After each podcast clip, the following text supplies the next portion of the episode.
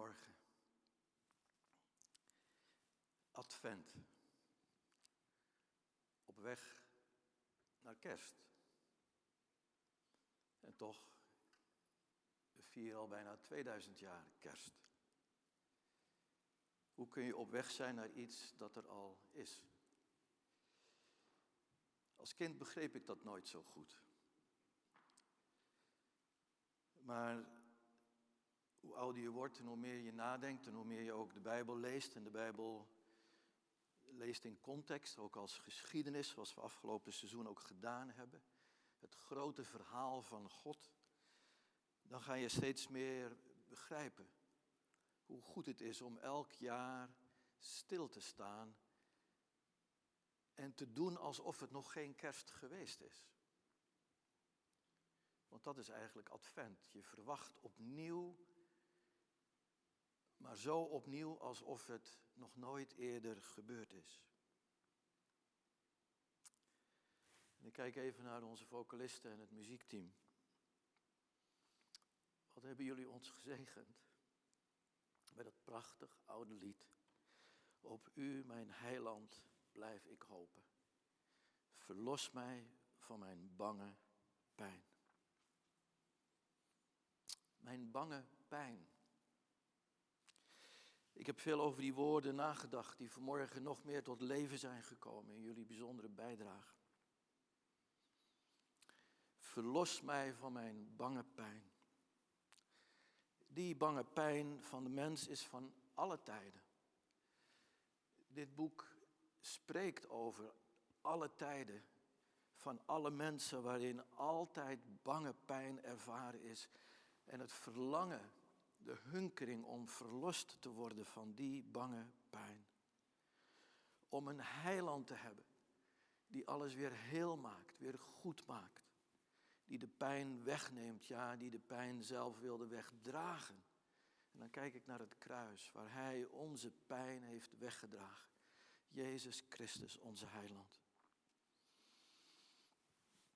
Nu, waar die pijn van de mensen pijn is van alle tijden, is dat zeker ook waar voor het volk Israël. En om nog even toe te spitsen op een periode in het leven en de geschiedenis van Israël, zeker ook in de tijd van de lofzang van Zacharias die we net gehoord hebben, althans het laatste gedeelte daarvan, vanaf vers 76. Zoals het lied op u, mijn heiland, blijf ik hopen, spreekt over onze woelende wereld. Met al zijn pijn, met al zijn zorgen, met zijn strijd, zijn moeite, zijn verleidingen, zijn afleiding. Alles wat in een mensenleven, maar ook op het hele wereldtoneel gevoeld kan worden. Is denk ik het gedeelte wat we vanmorgen gelezen hebben ook zo waar voor alle Bijbelse tijd maar juist ook voor die tijd waarin we Zacharias zien optreden. En ook onze tijd. De tijd van nu. We ervaren ongekende tijden van corona.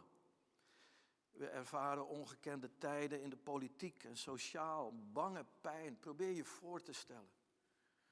In mei vierden we 75 jaar bevrijding. Maar we hebben amper tijd gehad om daarbij stil te staan. Wat het betekent om bevrijd te zijn. En als je nu kijkt vandaag, het wereldtoneel, de politiek in verschillende landen en werelddelen. Corona enerzijds, maar aan de andere, kant ook wat, wat wij mensen denken en voelen en ons uiten en in onze bubbels opsluiten en een vijandsbeeld hebben van degene die niet in die bubbel zit. Wat is er veel gaande? Politiek, sociaal, in de gezondheidszorg. Eigenlijk alles is woelende in deze wereld. En dan komt ons lied. Op u, mijn heiland, blijf ik hopen. Verlos mij van mijn en onze bange pijn. En er is geen betere tijd om daarbij stil te staan dan de tijd van Advent. Om weer opnieuw stap voor stap verwachtingsvol uit te kijken naar dat heil en die heiland in de komst van onze Heer Jezus Christus. De Messias, niet alleen van Israël, maar van de hele wereld.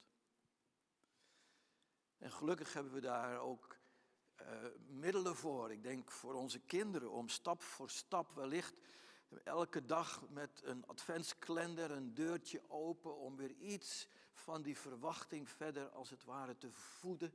Weer een stap te zetten dichter naar kerst. We hebben Enrique Brusset gezien in onze video waar ze de tweede adventskaars aanstak. Vandaag tweede adventszondag. Je kunt het van dag tot dag doen, maar ook van week tot week, van zondag tot zondag. Door elke zondag een adventskaars aan te steken, totdat het grote licht van kerst doorbreekt. Nu laten we daar vanmorgen over nadenken, stap voor stap. Dat is wat we allemaal doen. Sommigen van ons hebben een stappenteller. Ik heb er ook een en ik vind het eigenlijk wel heel interessant om te kijken hoeveel duizenden stappen je per dag zet. En dan van dag tot dag. Je kunt ook naar je weekgemiddelde kijken. Nu naar deze misschien voor je wel wat zware, uh, uh, zwaar begin, spreken over pijn, laten we even over stappen hebben die we zetten en daar even een paar luchtige vragen over stellen. Misschien is dat goed om weer even na een diepe ademhaling te zeggen: Oké, we gaan er nu voor zitten voor wat komen gaat. Ik heb twee luchtige vragen en daar kom ik straks op terug, want ze zijn niet zo luchtig als ze misschien voorkomen. Het zijn ook twee ongewone vragen, ook een beetje persoonlijk. Vraag 1. Met welk been ben je vanmorgen uit bed gestapt? Ik kijk even zo de zaal rond naar onze medewerkers. Dank dat jullie er zijn, ook achterin van het service team. Met welk been ben je vanmorgen uit bed gestapt? En je weet waar ik heen wil. Er zijn twee opties. Met je goede of je verkeerde been. Vraag 2. En toen je eenmaal stond, je bed uit, op de vloer, heb je bij de eerste stap die je zette, je beste beentje voorgezet. Of je minder beste beentje. Nou, je zult in die beide vragen een Nederlands gezegde herkennen. Wij Nederlanders weten wel raad met uitdrukkingen, gezegden en spreekwoorden. Onze taal staat er bol van. En hoe boeiend en soms ook hoe duidelijk met een paar woorden kun je een heel verhaal vertellen. Zo to the point. Ik herinner me, ik kijk even naar Judy, ik herinner me de tijd dat mijn vrouw Judith, komende uit Amerika, Nederlands begon te leren. En Nederlandse uitdrukkingen en gezegden waren favoriet bij haar. Er ging een wereld voor haar open. Een heel palet aan uitdrukkingen. En ik vertelde vanmorgen aan het ontbijt. Ik zeg, jullie, ik heb eh, twee uitdrukkingen die ik vanmorgen ga gebruiken. In de begintijd dat je Nederlands leerde, vind je dat goed. Ik zeg, maar ik laat je raden, welke twee zijn dat? En ze zei precies degene die ik van de week heb opgeschreven voor mijn preek. De twee favoriete eerste gezegden uitdrukkingen waren: alles koek en ei en daar heb ik geen kaas van gegeten. Nou, Nederlandser kan het niet. En voor iemand uit het, bij, uit het buitenland, van een andere taal, denk je, wat een uitdrukking, daar heb ik geen kaas van gegeten. Nu, luchtig als het is, terug naar de schrift, want daarin vinden we geen Nederlandse uitdrukking, maar een woord wat iedereen van het Joodse volk kende als een Hebreeuwse uitdrukking. Een uitdrukking, een beeldspraak die eigenlijk de hele geschiedenis van Israël tekende. Namelijk de laatste woorden van Zacharias. Je voeten zetten op de weg van de vrede. Je voeten zetten op de weg van de vrede. Iedereen begreep wat dat betekende. Iedereen voelde aan, diep in zijn hart, dat die woorden resoneerden met de diepste verlangens van het hart van de mens, het hart van Israël. En je voelt natuurlijk direct dat die uitdrukking over hele andere zaken gaat dan je verkeerde been en je beste beentje voorzetten. je voeten zetten op de weg van de vrede. Stap voor stap, elke keer bewust. Ik wil op geen andere weg staan dan op de weg van de vrede. En daarom voor elke Joodse toehoorders van, die, toehoorder van die tijd was het duidelijk waar Zacharias op duidde. Die weg was de weg van Gods ingrijpen in de geschiedenis van Israël door de komst van een koning, ja de koning, de lang verwachte komst van de vredevorst. De vredevorst uit het geslacht van David en naar de belofte die God al in Genesis gegeven had aan Abraham, de vader van alle gelovigen. En je ziet ook direct dat dat de, het verband is en, en de lange lijn, de rode draad. Want precies ook in Zacharias' profetie worden beide namen genoemd. David en Abraham. Nu in deze ene uitdrukking over dat verlangen je voeten kunnen zetten op de weg van de vrede ligt de hele geschiedenis van Israël. En de verwachtingen waren hoog gespannen. En de vraag was nu, nu daar in de tempel een engelverschijning was en Zacharias dat nieuws hoorde, dat God bezig was in te grijpen in de geschiedenis van Israël. En nu hij zijn profetie negen maanden later uitspreekt, te midden van buren en vrienden en familie die gekomen was rond de geboorte van hun zoon, profiteert hij dat die tijd ook werkelijk aanstonds is. Ja, de tijd was gekomen dat God van zich liet horen. Definitief in de komst van die vredevorst.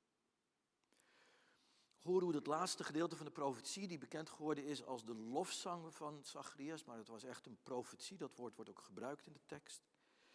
Laten we naar dat laatste stukje nog eventjes kijken. Het is al gelezen voor ons, maar even om ons mee te nemen vanaf vers 76. Daar spreekt eh, eh, Zacharias eerst over de rol van zijn inmiddels geboren zoon Johannes, Johannes de Doper. En vervolgens grijpt hij dan terug waar Johannes de Doper de voorbereider mag zijn, als het ware de laatste weg mag effenen voor die komst, de stenen mag weghalen, zodat straks die vredevorst kan komen. En die weg gebaand is in hem, de weg van de vrede. Hoor hoe hij dat grote ingrijpen van God dan beschrijft nadat hij eerst over zijn zoon gesproken heeft, Johannes als voorbereider. En dan zegt hij in vers 76, en gij kind. Nou, wie het verhaal kent van de geboorte van Johannes de Doper, weet dat het een lang verwacht kind was. Je zou verwacht hebben dat Zacharias zou zeggen, en jij mijn kind. Maar hij heeft het kind al opgedragen aan de roeping en de taak en de rol die God voor hem heeft weggelegd. En die rol is deze. En gij, kind, jij zult genoemd worden profeet van de Allerhoogste. Want voor de Heer zul je uitgaan om de weg voor Hem gereed te maken. En om zijn volk bekend te maken met hun redding door de vergeving van hun zonden. Dankzij de liefdevolle barmhartigheid van onze God zal het stralende licht uit de hemel over ons opgaan. En verschijnen aan allen die leven in duisternis en verkeren in de schaduw van de dood. En dan komt die laatste zin, zodat we onze voeten kunnen zetten op de weg van de vrede. Tot zover. Nu let op dat woordje zodat. De profetie eindigt met een doel. Een heel doelbewuste uitspraak. In dat woordje zodat ligt als het ware voor ons een oproep. Namelijk dat het volk en ook dus wij niet alleen weten dat deze vrede gekomen is, maar er ook daadwerkelijk deel aan krijgen. Zodat we onze voeten kunnen zetten op de weg van de vrede. Dat woord kunnen is ook belangrijk hier. Je kunt het doen, maar je kunt het ook niet doen. Hier staan twee matjes voor onze vocalisten om, om aan te geven waar ze mogen staan. Dat is niet alleen belangrijk voor de camera, maar ook vanwege de anderhalve meter die we aan willen houden. En als ik deze twee matjes zo zie, ik weet niet of dat ook in beeld gebracht kan worden, maar dan kan ik op dit matje gaan staan. Maar ik kan ook op dit matje gaan staan. Dat is de keuze van het woord kunnen. En de grote vraag is in deze adventstijd, als dit ons geboden wordt in Christus, dat alles klaar is zodat we onze voeten kunnen zetten op de weg van vrede, zetten we onze voeten ook werkelijk op die weg van vrede. Nu in deze adventstijd zou ik zo graag samen met ons hier en jij thuis of misschien hiernaast in de auto op de parkeerplaats, zou ik zo graag willen nadenken, biddend willen nadenken, in hoeverre u, jij en ik in ons dagelijks leven ook werkelijk onze voeten zetten op de weg van vrede. In die bewuste keus. Deze weg wil ik gaan. Niet die weg, die waarschijnlijk bij default vanzelf komt als je s'morgens uit je bed staat, opstaat. Met je goede been, met je niet goede been, met je beste beentje voor of niet beste beentje voor. Dat zal vaak dan blijken in de rest van de dag, dat je op een gegeven moment zegt, nou jongens, sorry hoor, maar ik ben vanmorgen met mijn verkeerde been uit bed gestapt. Of dat iemand zegt, kom op, kun je niet je beste beentje voorzetten? Je moest eens weten, ik heb het geprobeerd, maar het is me niet gelukt. Vaak leven we onbewust, laten we de dag komen zoals die komt. Terwijl we de mogelijkheid hebben om s'morgens bij die eerste stap onze voeten te zetten. Nog voor we uit bed komen. Bewust zeggen, voordat ik mijn voeten op de grond zet. Wil ik dat bewust doen op u, Heer Jezus. Op u, mijn heiland. Want ook op u hoop ik voor vandaag. Ik verwacht u. Ik geef me over aan u, de vredevorst. Dus vanmorgen de vraag in deze adventstijd. Hoe bewust gaan wij om met het zetten van onze voeten elke dag op de weg van de vrede? En als we geen vrede ervaren, en hoe vaak ervaren we dat niet? Geen vrede. Zou dat kunnen dat ons geloofsleven toch niet bewust genoeg is?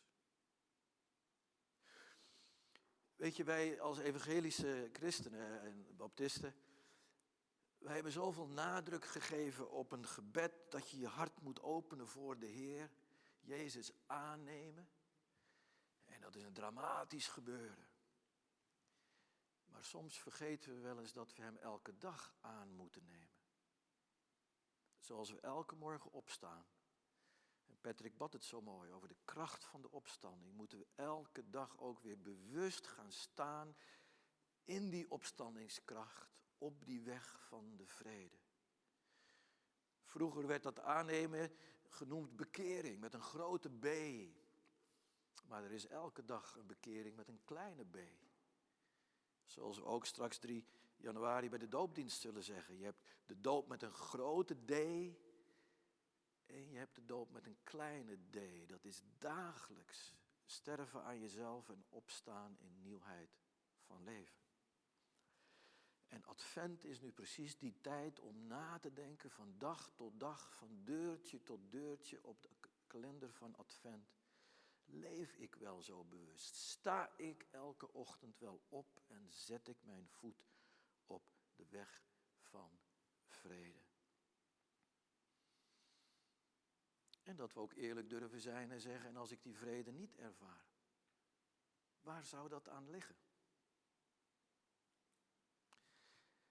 Daarom is Advent ook een tijd om bewust om te gaan met waar zetten we onze voeten.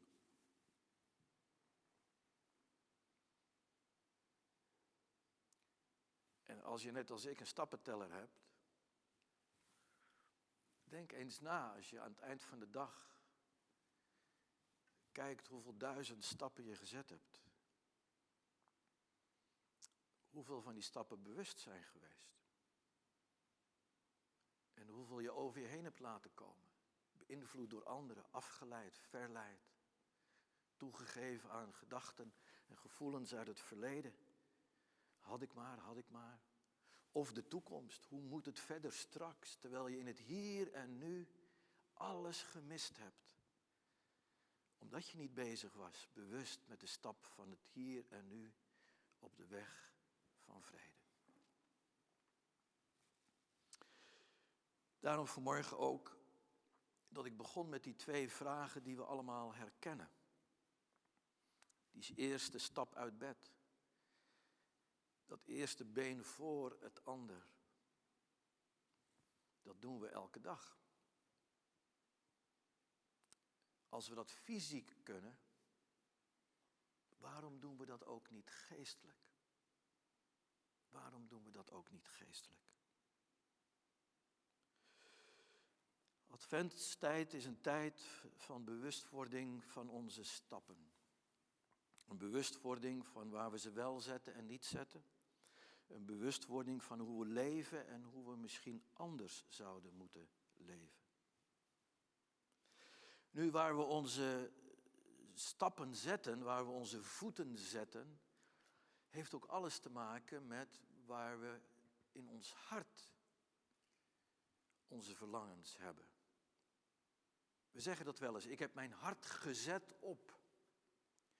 Dat betekent dat er eigenlijk niets in het leven is anders dan dat. Dat moet ik bereiken. En dat kan bijvoorbeeld je carrière zijn. Die in goed Nederlands gewoon heet loopbaan. Dat is de baan waarop je loopt, stap voor stap. En we verlangen allemaal dat die baan omhoog gaat. En we doen er soms alles voor. Alles moet wijken om carrière te maken, om zoveel mogelijk de loopbaan te hebben waar je je hart op gezet hebt. misschien is corona wel een middel om daar eens over na te denken. Is die loopbaan wel zo belangrijk? Oh, we moeten allemaal leven. We hebben allemaal onze rekeningen.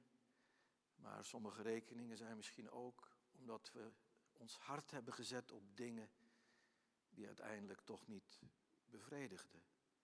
En die ons nu in financiële problemen hebben gebracht. We moeten wel werken. Want hoe kunnen we anders onze rekeningen betalen?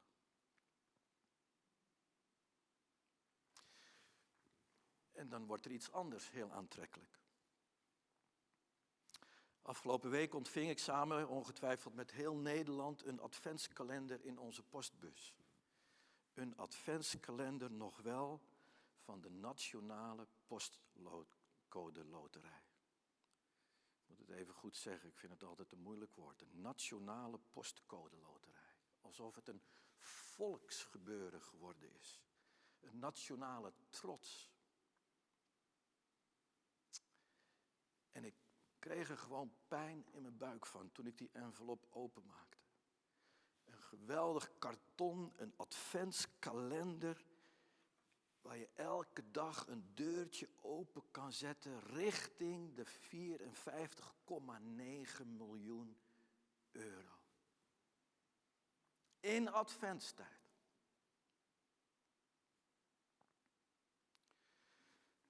is opvallend hoe de laatste jaren Advent steeds commerciëler geworden is. En niet voor niets. Want er wordt geappelleerd op de dingen waar we als mens zo makkelijk en zo graag ons hart op zetten. Ons hart opzetten. En adventstijd is nu precies de tijd waarin we onszelf resetten om te zeggen, ja, maar waar ligt nu werkelijk mijn diepste pijn? Waar ligt mijn diepste honger? Waar ligt mijn diepste dorst?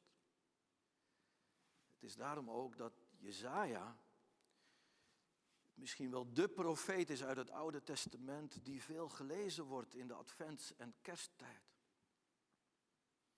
Omdat het Jezaja is die ons op het hart drukt. Dat er brood en drank is die niets kost en die als enige wel verzadigen kan. Wijzend op de vredevorst Jezus Christus, die uiteindelijk zou zeggen, ik ben ware spijs en ware drank. Wie van mij eet en drinkt, zal nimmer meer hongeren en dorsten. Begrijp je nu ook dat prachtige lied? Wat spreekt over die diepste verlangens en die ootmoed en verootmoediging. O Heer, als er iets te grijpen is in dit leven. Als er iets is om je hart op te zetten. Als er iets is om naar te snakken en te verlangen. Dan is het dat wat u alleen kan geven. En het is precies de context van Jezaja en de beloftes van het Oude Testament. Die ook gezien en geproefd en gehoord worden in de profetie van Zacharias. Ik weet niet of je het weet, maar Lucas 1 is het langste hoofdstuk in het Nieuwe Testament. 80 versen. Heel gedetailleerd, van vers tot vers in dit lange hoofdstuk ademt het één verwachting, één verlangen naar de komst van Hem, de Messias. De vervulling van al die oude beloften. En dan begint Lucas in de tempel. Het hoofdkwartier zou je kunnen zeggen van waar God eens woonde, want het is de herbouwde tempel van Herodes, niet de tempel van Salomo. Het was slechts een aftreksel van wat het vroeger was. En er waren geen openbaringen meer.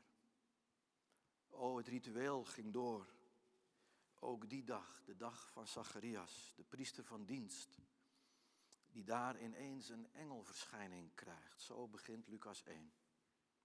En de engel kondigt hem het goede nieuws aan dat hij en zijn vrouw Elisabeth op hoge leeftijd, een nieuws wat ze nooit meer verwacht hadden, namelijk ze zullen ouders worden van een zoon, een zoon die ze de naam Johannes moeten geven. En daarin ligt het geheim van Advent. Want zijn naam betekent God is genadig. God is genadig. Nu, je moet weten dat deze engelverschijning, met dat nieuws over de geboorte van Johannes, een godsopenbaring was na 400 jaar stilte. 400 jaar. 400 lange jaren was het stil geweest van Gods kant. Geen Godsopenbaring, geen profetie, geen ingrijpen van Gods kant in het lot van zijn volk. Worden wel de stille jaren genoemd tussen het Oude en Nieuwe Testament, tussen de profeet Malachi, de laatste van het Oude Testament, en hier in Lucas 1, de eerste Godsopenbaring aan Zacharias, nog wel in de tempel van Jeruzalem. En dan lijkt het op het oog alsof het eerst een aankondiging is voor een echtpaar wat al lang niet meer het gebed bidt wat ze lang gebeden hebben, want ze zijn oud en ze zullen nooit meer ouders worden. Ze blijven kinderloos. Maar de engel heeft een boodschap. Dat is ook de betekenis van het woord angelos, boodschapper. En die boodschap is, jullie krijgen weliswaar een kind, maar het heeft uiteindelijk een hoger doel dan alleen jullie gelukkig maken. Het zal Israël gelukkig maken en het zal de hele wereld gelukkig maken. En zo krijgt Zacharias de opdracht om deze zoons Johannes te noemen. Later Johannes de Doper om te onderscheiden van Johannes de Evangelist. En dit geluk zal hen ten deel vallen, maar in hen wij allen. Het geluk van de komst, ik kan het niet genoeg zeggen, van die lang verwachte Messias. En wat een voorrecht dat dan deze Johannes in de lijn van Elia, de grote profeet van het Oude Testament, dat deze Johannes de Doper de voorbode mag zijn, de wegbereider. Daarom wordt hij ook direct door Elisabeth uh, en uh, Zacharias afgestaan aan de dienst van God. Ze noemen het niet mijn kind, maar kind van de Allerhoogste. Oh, we zijn blij met hem, maar we moeten hem direct afstaan aan de dienst van de Heer. Want zij begrijpen als geen ander, rechtvaardig als ze waren, zo worden ze beschreven, dat eindelijk God na 400 jaar stilte van zich heeft laten horen. Want hoe werd er gehunkerd en verlangd naar die vrede die komen zou? Sinds Israël, dus veel langer dan die 400 jaar, sinds Israël onder koning David en zijn zoon Salomo grote vrede hadden gekend, was het daarna snel bergafwaarts gegaan. Israël werd een verdeeld volk. Israël werd een speelbal van oprukkende wereldmachten. In de eeuw voordat Zacharias de engelverschijning krijgt, ging het volk gebukt onder de vrede Romeinse overheersers. We gaan het straks weer horen met kerst, keizer Augustus. Maar daarvoor al eh, bijna een eeuw begon het. Ze werden onder de voet gelopen. Een geknecht volk werden ze. Maar nu, nu zou het niet lang meer duren. God had zijn stilte doorbroken. Zacharias was de eerste die dit woord kreeg om als profetie door te geven aan het volk. Spoedig zouden we onze voeten kunnen zetten op de weg van de vrede. En zo bouwt Lucas zijn hoofdstuk op naar de climax van die komst. De komst van Jezus Christus. En misschien ook voor degene die dat interesseert, misschien ken je het verhaal niet. En ik zou zeker zeggen, lees het thuis. Maar heel Lucas 1 is één beweging, één opbouwen van een climax naar dat moment. Als dan de camera van Lucas in de tempel is geweest, zoomt zijn camera naar het noorden, naar Nazareth, een plaatsje in Galilea. Ook daar weer een engelbezoek. Het ontroerende verhaal van de geboorteaankondiging van Jezus aan de jonge vrouw Maria.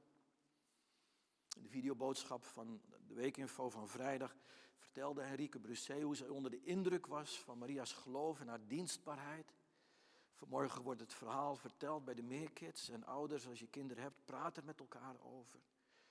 De annunciatie, de aankondiging van de engel aan Maria dat ze zwanger zou worden van Jezus.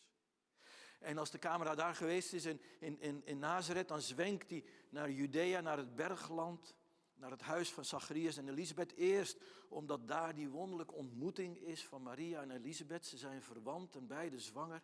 Wat zal dat een moment geweest zijn? Ook zij prijzen en loven God en ervaren de Heilige Geest. En dan als Maria weer naar huis gaat in Nazareth en Elisabeth hoogzwanger is en de dag komt dat zij zal baren, dan weer zwenkt de camera naar hun huis. En dan is daar de geboorte van Johannes de Doper. Met grote consternatie. Uh, ik zal niet alle details noemen, maar één detail is dit. Dat de familie en de buren natuurlijk zeggen, deze jongen bij de besnijdenis acht dagen na zijn geboorte, wanneer de naamgeving is, hij moet natuurlijk Zacharias heten, vernoemd naar zijn vader. Dat kan niet anders als je zo lang gehunkerd hebt naar een zoon, dan zal die toch naar jou genoemd worden. Maar nee,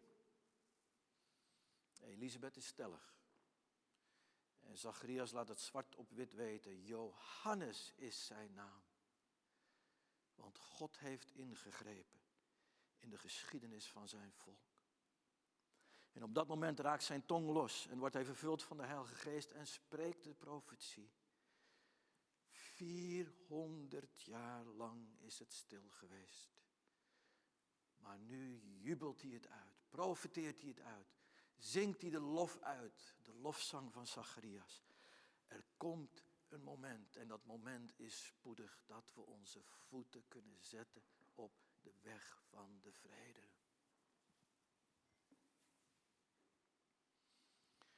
Nu tenslotte. Waarom vertel ik het verhaal en leg ik zoveel nadruk op die 400 jaar? Is het niet om iets te proeven van het diepe verlangen en de bange pijn van die 400 jaar en de jaren daarvoor. Van zowel Zacharias als Elisabeth en Maria. En wij zullen nooit de diepte van Advent begrijpen. Als wij niet de diepte begrijpen van het wonder dat God ook in onze stilte is ingebroken met de komst van Jezus Christus, de weg van de vrede. En daarom zou ik zo willen bidden dat deze adventstijd de komende weken gebruikt wordt voor ons om elke morgen heel bewust op te staan en onze voet te zetten, stap voor stap op de weg van de vrede. Vol verootmoediging en ootmoed, zoals het lied zegt. Wetende dat waar wij ook bange pijn hebben, die er vandaag ook nog is. dat ten diepste die pijn gedragen is, ja weggedragen is op het kruis van Golgotha. En dat Jezus opstond als de vredevorst die eens zal heersen van pool tot pool en van zee tot zee. Dit is ons heden, met de hoop op die toekomst. En in die zin verwachten we ook zijn tweede komst. Maar als je de eerste komst niet verbijt verwacht, zoals het lied zegt, dat dat eigenlijk maar een gewoonte is en je niet bepaalt bij de diepte van onze nood en het wonder van Gods ingrijpen, dan hebben we ook niet zoveel meer te verwachten voor zijn tweede komst. Dan leven we eigenlijk gewoon heel werelds, van dag tot dag, met alles wat de wereld te bieden heeft. Brood dat niet verzadigen kan en drank die de dorst nooit zal. Laten we bidden. Fijn dat je hebt geluisterd. Voor meer informatie ga naar www.meerkerk.nl.